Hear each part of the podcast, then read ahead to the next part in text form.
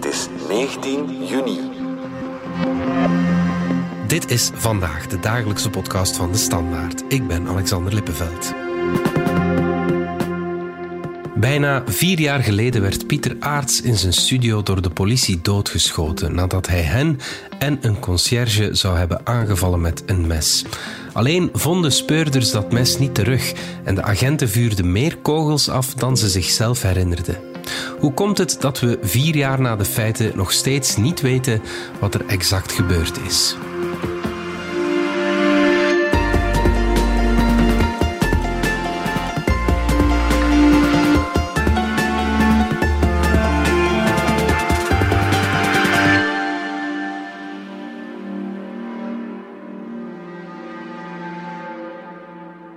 Helene Beukelaren en Mark Eekhout van onze Binnenlandredactie. Jullie hebben afgelopen weekend een groot verhaal gebracht over de dood van Pieter Aarts vier jaar geleden, omdat die zaak heel veel vragen oproept. Hè. Um, vat eens kort samen waar het juist over gaat. Op 9 eh, juli 2019 hebben de ouders van Pieter Aarts de politie gecontacteerd. Hun zoon had een mentale problematiek mhm. en ze hoorden niet van hem en ze waren bezorgd. Mhm. En dat was iets dat ze ook al vaker hadden gedaan, dus vrij normaal voor hen. En de politie is naar zijn appartement gegaan. Er is daar van alles misgelopen.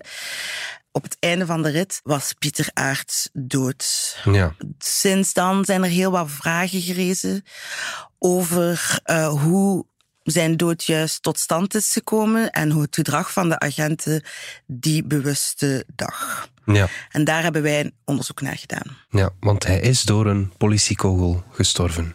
Ja, hij is geraakt door uh, verschillende politiekogels. En dat is eigenlijk een beetje de, ja, het hele heikele van heel die affaire. De vraag is, hadden die agenten toen wel moeten schieten? Want meestal is dat groot nieuws. Als er iemand door een politiekogel sterft, de naam Pieter Aarts, dat zegt mij niets.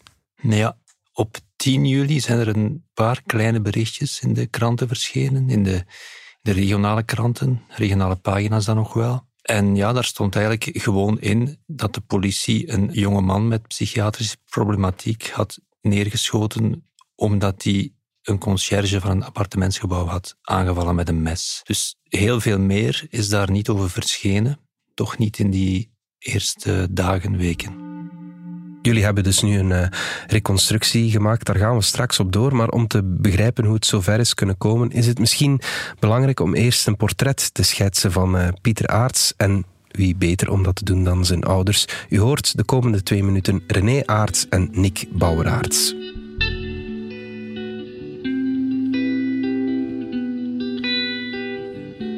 In school hadden die een groepje. En Pieter was een saxofonist, die hadden ze echt wel nodig.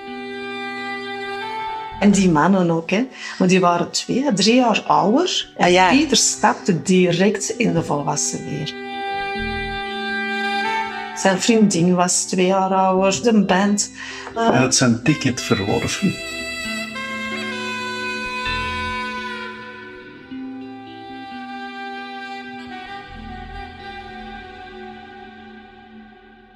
Ja, ik herken mezelf er een beetje in. En jij misschien ook. Hè, zo, alles samen van ons. Ik was zelfstandigheid en uh, mm -hmm. allee, ik dan vooruit op. En inzicht en dan van... Uh, van jou, ja, hij is alles wel uit alles uitvergroot. Ja.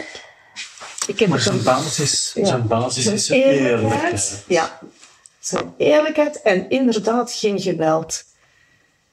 Oh, ja, die zegt geen mens kwaad. Een open, inderdaad een slimmerik. Een, Leibersfiguur, ja. ja. Maar die kon dat zonder... Maar, zonder uh, die, die moest daar... Oh, zijn eigenlijk niet uh, ver in de hoogte zetten. Hè. Als hier zes kinderen waren, dan was Pieter de leider.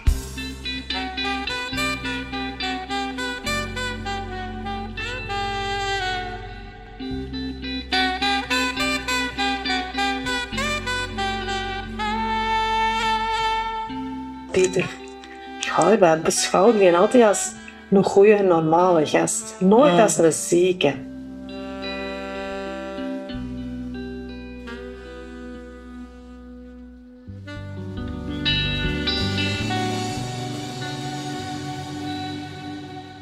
Helene, jij hebt uren uh, met de ouders van Pieter gepraat. Welk beeld van hem hebben ze jou geschetst? Het is een heel dubbel beeld. Hè? Hun zoon was uh, 35 jaar toen hij stierf. Hij is eigenlijk opgegroeid in een heel gezellig gezin. Mhm. Zo in Hoboken. Nick en René, die zijn um, zorgverleners. Die werken met uh, ouderen, met uh, kinderen met een beperking. Ay, zijn echt mensen die veel energie steken in andere mensen. Mhm, mhm. Ze hadden twee zonen. En zij gingen eigenlijk gaan werken, naar de scouts gaan, naar de muziekschool, vrijwilligerswerk in de gezinnenswerking van de buurt. En Pieter kwam daar altijd naar voren als ja, een zeer normale Vlaamse tiener eigenlijk. Mhm, mhm. Iemand met een enorm talent voor muziek. Het nummer dat we daarnet gehoord hebben was van zijn band, Ed Funk. Ja. Maar Pieter is op een gegeven moment ziek beginnen worden. En dan zitten we in een moeilijker verhaal. Niet een verhaal van geweld of zo, zeker niet. Maar het is heel, in België alleszins toch heel moeilijk om te zorgen voor iemand met een psychose, wat Pieter ook had. Wanneer werd het duidelijk dat Pieter ja, met die psychische problemen te maken had? Ja, dat is zo ongeveer begonnen rond zijn 23ste. Hij had al verschillende opleidingpogingen ondernomen en dat ging niet altijd even goed. Mhm. Maar dat zijn allemaal ja, normale tienerperikelen, normale jonge levenperikelen. Maar dan, hij zat toen in de opleiding logopedie en mhm. dan begonnen er toch zo wat rare dingen te gebeuren.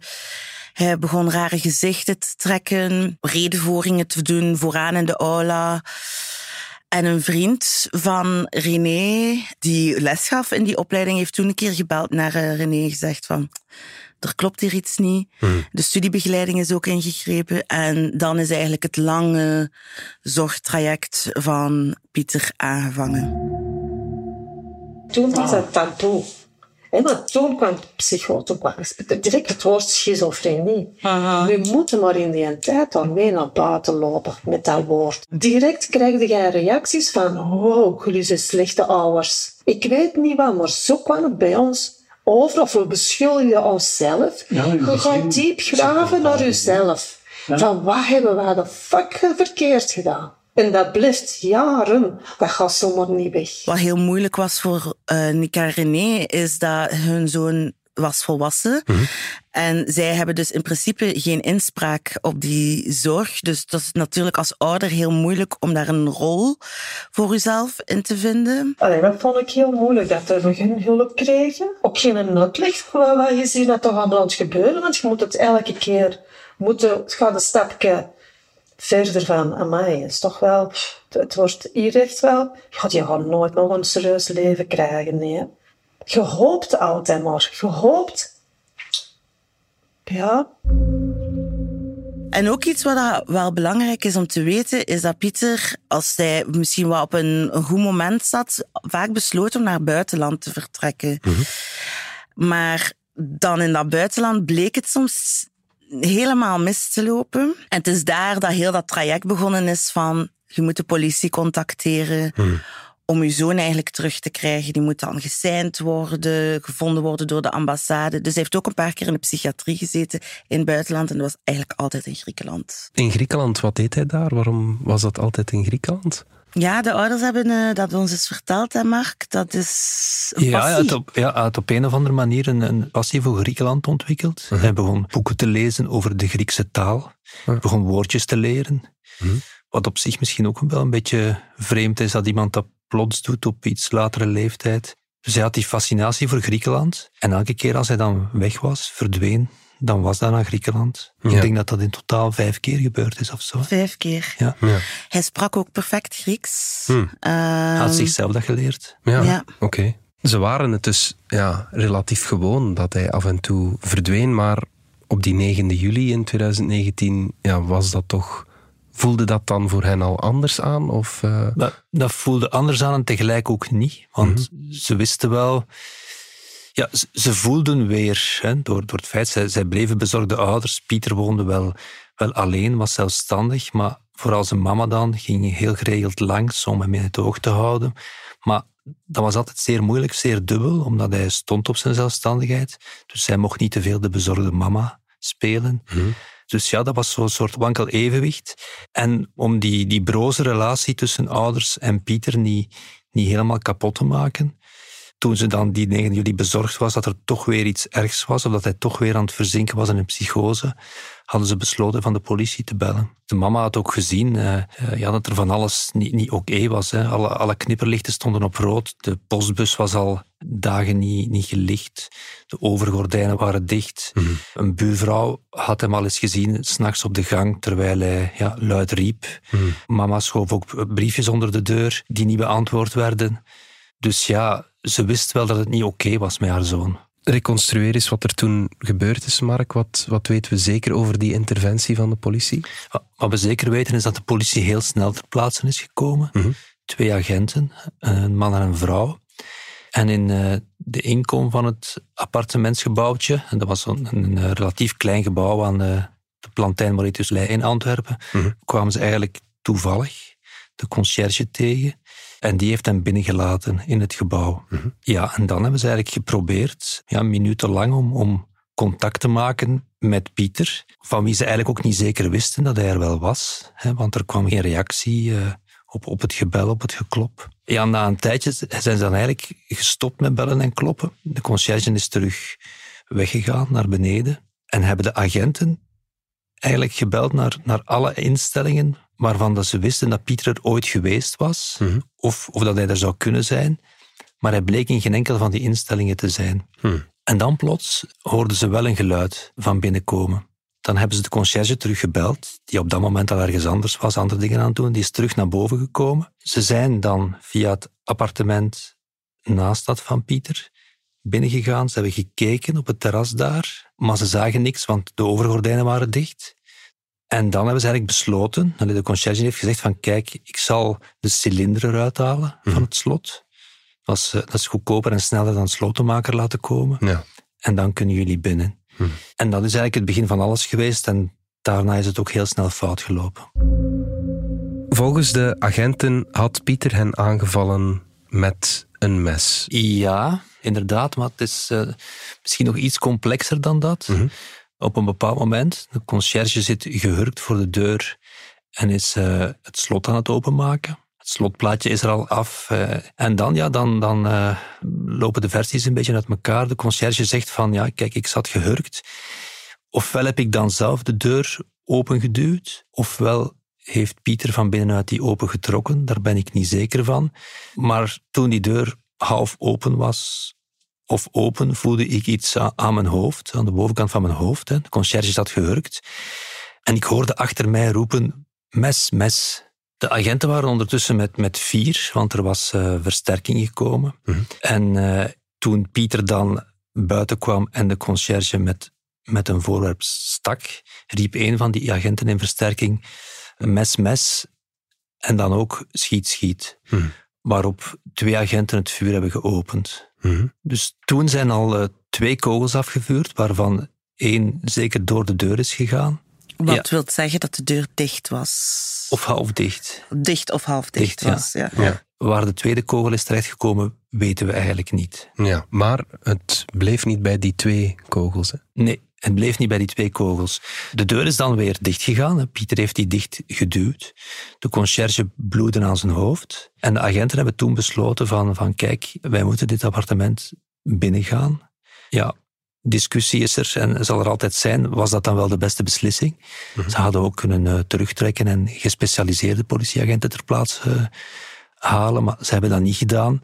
Ze zijn er van, nog altijd van uitgegaan, zeggen ze zelf, van er zit daar iemand in nood, we moeten die helpen. Mhm. Ze waren ook niet zeker dat Pieter daar alleen was. Er kon van alles aan de hand zijn.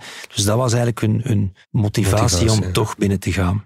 Ze zijn binnengegaan en volgens hun versie van het verhaal terug is Pieter terug op hen afgekomen, nog steeds met dat voorwerp, dat mes in zijn hand en hebben ze weer geschoten. Mhm. En wat dan gebeurd is, is niet 100% zeker. wat we zeker weten, is dat daar zes schoten gevuurd zijn, waaronder ook het dodelijke schot. Je zegt het was niet helemaal duidelijk. Waarom is dat niet helemaal duidelijk? Eén agent heeft twee schoten afgevuurd. Daarbij zat het dodelijke schot. Mhm.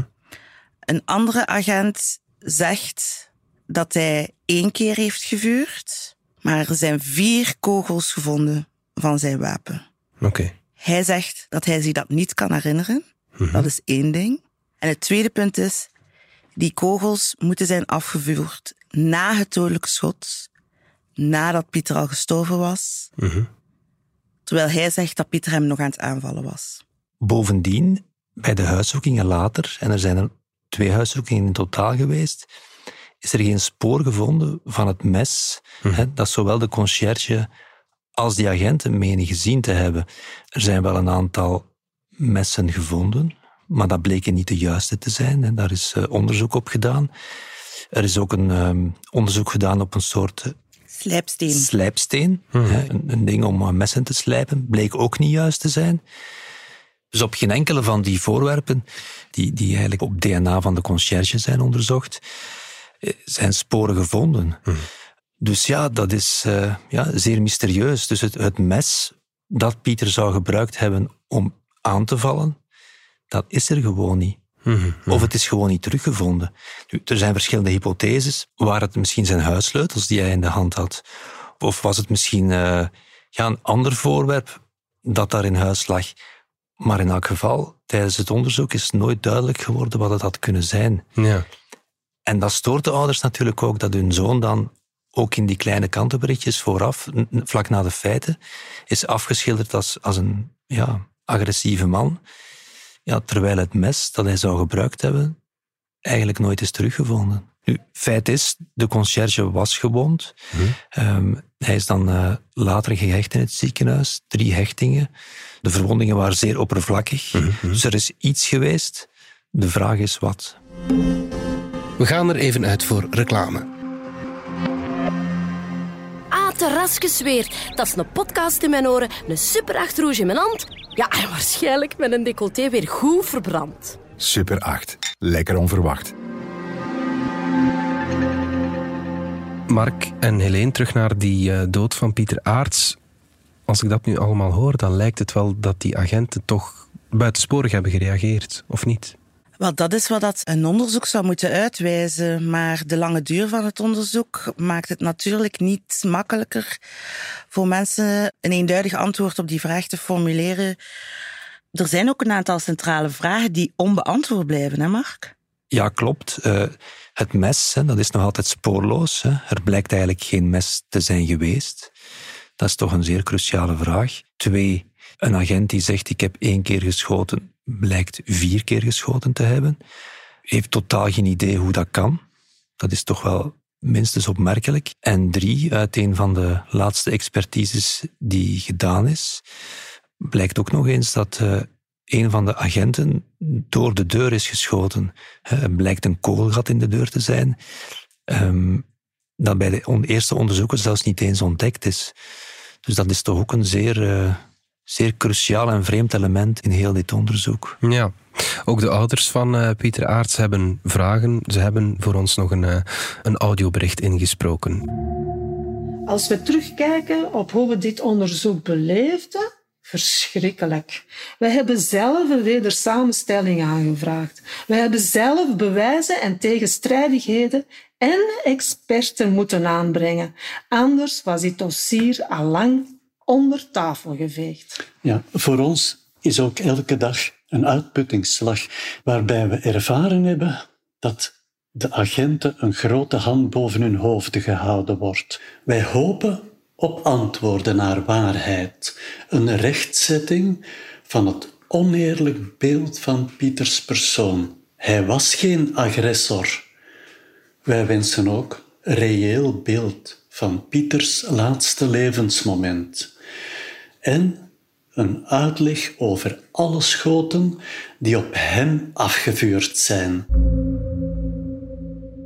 Ze vinden dat de agenten de hand boven het hoofd gehouden wordt. Dat zijn zware woorden, hè? Ja, dat zijn zware woorden, maar In hun plaats zou ik misschien hetzelfde denken. Hè.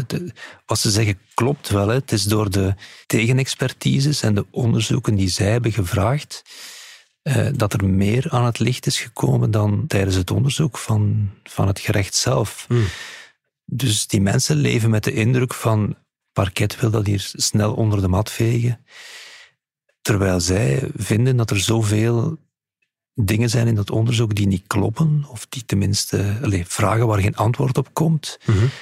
eh, dat daar toch wel wat meer moeite zou moeten voor gebeuren. En, zeggen zij, die agenten, los van of ze schuldig zijn of niet, horen die antwoorden te geven voor de rechtbank, voor iedereen in het openbaar, dat we ze allemaal kunnen horen. Dat is eigenlijk hun punt. Ja. Zullen ze ooit een antwoord krijgen op die vragen? Kijk, de raadkamer moet nu nog beslissen of die agenten voor de rechtbank moeten verschijnen of niet. Hè. Het parket heeft bij de eerste zitting van de raadkamer, dat was vorig jaar denk ik, in mei, mhm. heeft het parket gezegd van kijk, er zijn niet genoeg aanwijzingen om die agenten door te verwijzen naar de rechtbank. Ondertussen zijn er een reeks bijkomende onderzoeksdaden geweest, zijn er nog extra expertises uh, gedaan op vraag van de ouders van Pieter en hun advocaat. Die resultaten zijn er. Die zijn, dat kunnen we toch zo interpreteren, niet echt positief voor die agenten. Mhm. Er moet nu opnieuw een raadkamerzitting komen. Ja, en daar zullen we moeten zien wat er gebeurt. Hè. Gaat het parket het geweer van schouder veranderen? Gaan ze misschien toch nog een doorverwijzing vragen? Of niet? En dan gaat de raadkamer zelf moeten beslissen. Hè. Zijn er genoeg aanwijzingen om die agenten voor de rechtbank te brengen of niet? Mhm. De, ouders vinden van wel. Het voordeel van een zitting in de rechtbank is in elk geval dat die vragen daar openbaar gesteld worden en dat die openbaar beantwoord worden. Gaan die vragen voor hen afdoend zijn? Die antwoorden, dat weet ik niet. Ze gaan er in elk geval hun zoon niet mee terugkrijgen. En, en het, ja, het blijft een uh, verschrikkelijk tragisch gebeuren, maar het zal hem misschien wel helpen om, uh, om de zaak af te sluiten. Het doet allemaal wel denken aan de zaak uh, Jonathan Jacob. Hè. Daar man die ook met psychische problemen kampte, die gestorven is in een politiecel. Dan wel een, hoe lang is dat geleden? Een tiental jaar, denk ik. Ja. ergens wel, ja. ja. Het doet er zeker aan denken. En, en het, het, toont nog maar eens aan. Allee, we mogen ook niet vervallen in simplisme natuurlijk. Het is bijzonder moeilijk voor de politie om om te gaan met, met mensen met psychische problemen. Hè. Ik, ik, elke zaak is anders. Daar, ik weet niet of dat je daar uh, echt, echt uh, regels kunt opplakken of, of best practices. Want soms, ja, die agenten moeten beslissen in, in een split second. Mm Het is niet simpel, hè. Maar tegelijk hebben wij toch ook wel de indruk, denk ik, dat er nog altijd te weinig kennis is van psychisch zieke mensen en hoe daarmee om te gaan. Mhm. We hebben in België een aantal van die zaken. Hè? Mhm. Jonathan Jacob. Govanet. Govanet, Pieter Aert. Maar er zijn er nog. Niet zo lang geleden is er ook een man doodgeschoten door de politie in een psychiatrische kliniek in Ukkel. Ze zeiden dat hij een steekwapen vast had. Hij had een nagelveil vast. Mhm. Er is duidelijk een problematiek daarmee. Mhm. Zelfs de korpschef Michel Govaert van de politiezone Brussel-Hoofdstad Elsene heeft in interviews gezegd van dit is een probleem voor ons. Wij krijgen te veel van dat soort oproepen. We zijn er niet voor getraind.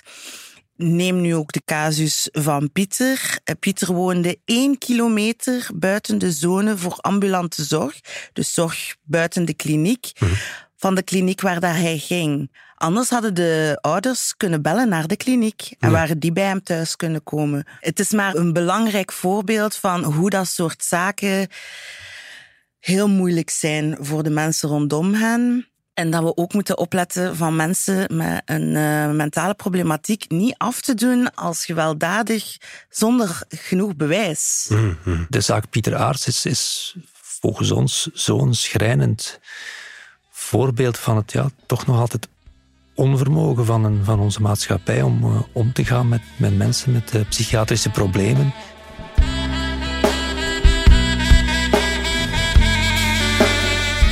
Dat wij vonden dat we die ja, groot in onze krant moesten brengen.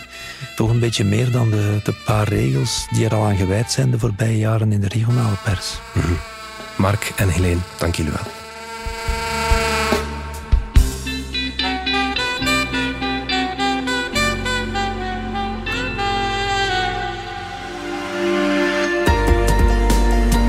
Was vandaag de dagelijkse podcast van de Standaard. Bedankt voor het luisteren. Volg ons op Spotify, Apple Podcast of eender welk ander podcastplatform.